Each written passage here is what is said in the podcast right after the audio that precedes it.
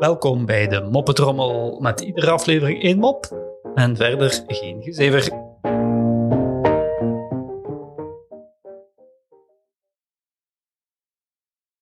Een klein mannetje zit al een half uur lang roerloos in de park naar zijn glas te staren.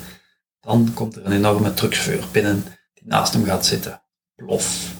Trucker neemt het glas van het mannetje en drinkt het in op. Het kleine mannetje barst in tranen uit.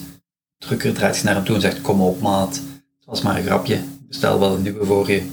Maar het kleine mannetje zegt: Nee, dat is het niet. Vandaag is de ergste dag van mijn leven.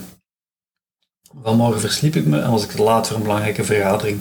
Mijn baas werd zo boos dat hij me op staande voet ontsloeg.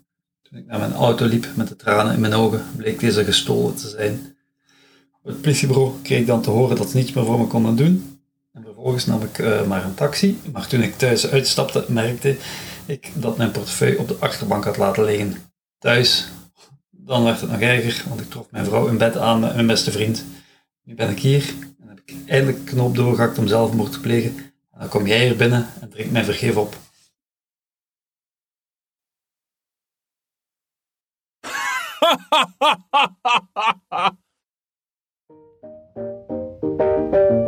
Zo, dat was de moppetrommel voor vandaag. En tot morgen.